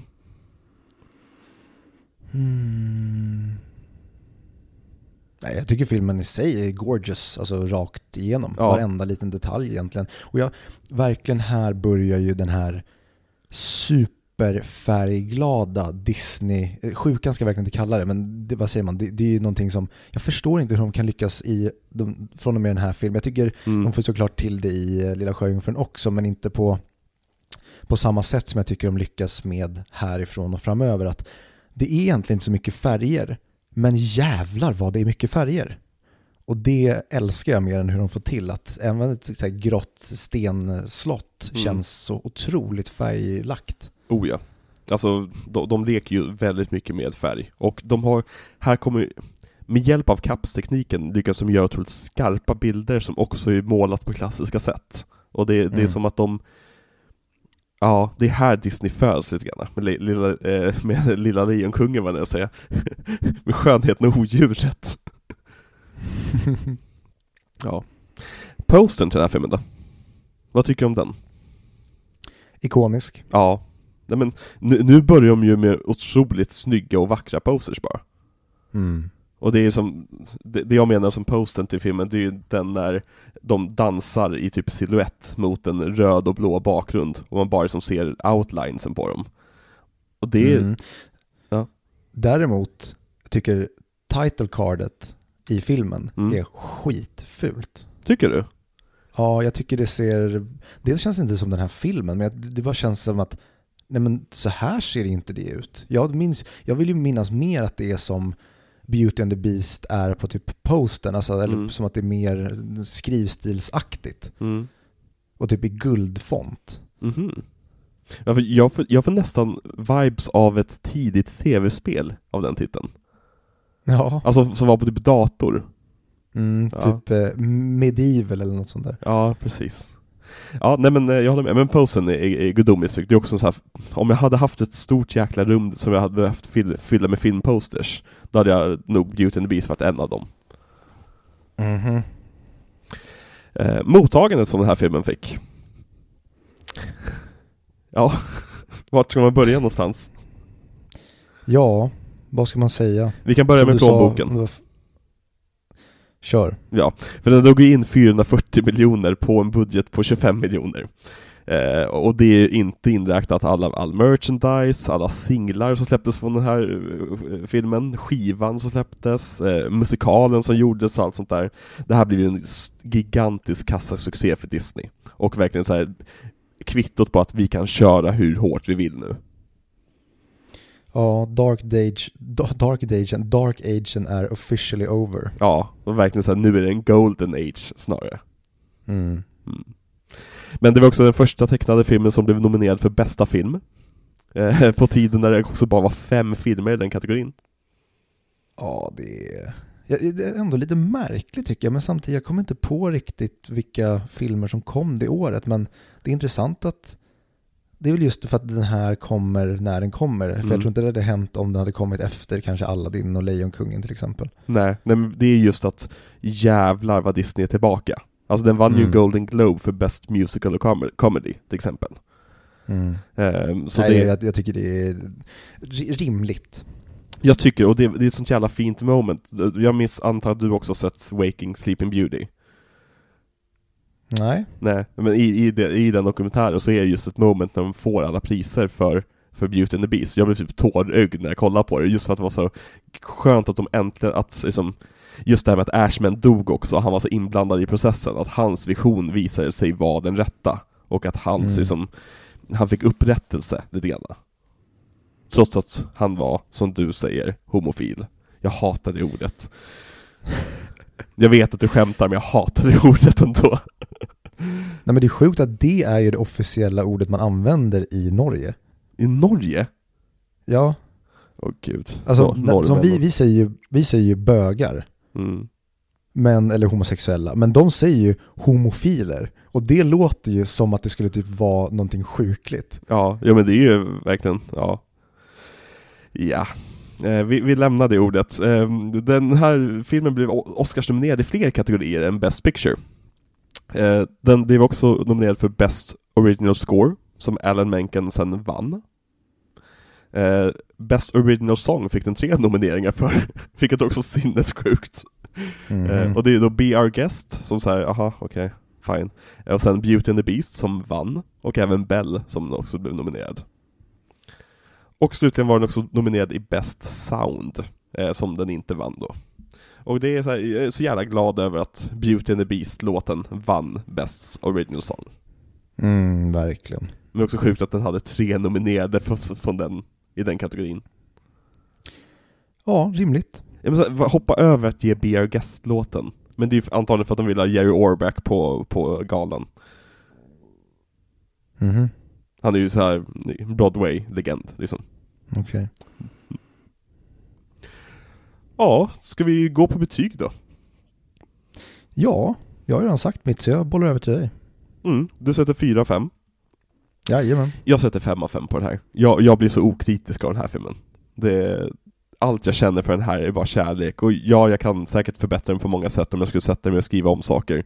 Men det visade också remaken att man sätter sig och börjar förbättra saker med den här filmen så blir det bara sämre antagligen. Så jag, eh, jag, bara, jag bara älskar den här filmen. Det, det här är en film jag kommer visa mina barn om och om igen. Tills de skriker Mm. Nej pappa, inte Beauty and the Beast idag igen! Vi såg den två gånger igår! Kommer jag säga, nu ska vi se Beauty and the Beast! Ja, shit, det ser verkligen fram emot det med barn, att så här, det här ska ni titta på. Mm. Jag, jag ser fram emot att bli arg över att de, när de själva kommer börja hitta egna filmer och serier som man själv tycker är skräp. Bara, den här skiten ska ni inte kolla på, ni ska kolla på riktig film! Ni ska kolla på kul, kino! skulle vara kul om de kommer när de är typ så här 15-16 så Åh pappa, du, jag har upptäckt världens bästa filmfranchise. Visste du att de under 2000-talet och 2010-talet gjorde filmer om Transformers? De har åldrats så jävla bra. Ja, jag, jag trodde ju faktiskt skulle säga att visste du pappa att under 10-talet så gjorde de eh, Disney-filmer live action. De gjorde Skönheten och odjuret och Aladdin och de är så jävla... Och sen, sen tidigare, alltså typ när du var liten, liksom på stenåldern, då fanns det tecknade versioner av de här, men de gjorde man ju bara för att man inte då hade liksom möjligheten att göra de live action som de var egentligen tänkta att göras i. Visst för att det finns forskningsrapporter som visar på att barn som är typ 8, 7, 8 idag tycker att den här teckningsstilen ser billig ut jämfört med CGI-stilen som är, de är vana vid. Det är helt rimligt. Ja, jag blir så ledsen i hjärtat när jag hör sånt. Ja, men det är tyvärr en, en omöjlighet när, eh, när vi har den, när vi föddes, när vi föddes liksom, vi, vi, kan, vi kan inte göra så mycket åt det, även fast vi Nej. tycker att de har fel så har de ju förmodligen rätt. Exakt. Vem är din MVP i den här filmen då? Är det Gaston? Ja, det är fan Gaston. Ja, det är min också. Om inte musiken. Ja men alltså musiken Ja. är 100% min MVP för jag tycker filmen verkligen rider på den. Mm. Men av karaktärerna så är det Gaston. Jag tycker ju Belle också är fantastisk. Man, Ja. liksom, man var ju superkär i henne som barn och jag, jag, kanske nästa vecka kommer vi prata om obehagliga saker med vad man känner för Disney-karaktärer som inte alls ska kännas av en 30-årig man. Oj, okej. Eh, Men ja. eh, jag lämnar den som cliffhanger och en liten teaser till nästa vecka. ja, låter jättebra det. Så lyssna inte Äh. nästa, nästa vecka, kära barn. Nej men det är då jag åker in på kåken. Ja, det är då du åker in på kåken. Jag vill inte avsluta den här meningen. Eh, LVP, jag vet inte, Lumière. Jag, vet, jag blev typ lite chockad över hur, hur lite jag brydde mig om Lumière den här gången. Mhm. Jag, jag gillar ju Lumière framförallt tycker jag det är väldigt roligt hur han ska hålla koll på Bell och tappar kollen på Bell genom att han är bakom skynket och är right fransk. tajtar sig med, ja, precis med den franska snygga bruden. Ja. Ha, har du någon LVP i den här filmen då? Ja men typ Cogsworth känner jag. Okej. Jag tycker han var ju tråkig bara, tyvärr. Mm. Mm. Ja, typ det. Kanske. Nej, egentligen in, ingen är dålig här. Det är bara att tyvärr nu när vi sitter och pratar om det här så har jag sett massa Disney-filmer som kommer och de var inte bra att jag såg innan vi hade pratat om den här. Mm. Det är dåligt gjort av dig. Du får eh, Mm. bättra på det Viktor. Ja, Mm. så är det. Hur rundar vi av det här då? Kör vi bara en Howard Ashman? Ja, det måste vi nästan Ja, göra. det här Eller är annars skulle vi bara köra homofiler. Nej, nej, nej, nej. Viktor, fy. Speciellt inte efter, precis efter jag sagt Howard Ashman. Okej, vi kör. Eh, Okej då. Vänta, vänta, vänta, Ah. vänta, nej, nej, vi ska inte avsluta. Vi måste prata om, vad ska vi prata om nästa vecka Viktor? Nej men, åh, måste prata om. Vi ska ju prata om eh, Alibaba och de 40 rövarna. Nej, det är ju uppföljaren till filmen vi ska prata om nästa vecka. Vi ska Just prata om det. Aladdin. Ja, det ska Ja. vi. Ja! Och eh, jag teasar med det redan nu. På min eh, letterbox har jag en 2,5 på Aladdin. Väldigt, väldigt spännande. När såg du den senast? Mm. Det tänker inte jag berätta nu. Okej, det får du berätta nästa vecka. Ska vi inleda nästa veckas avsnitt med exakt där vi slutade nu? Ja, det kan vi göra. Bra. Med det säger vi Howard Ashman. Ashman.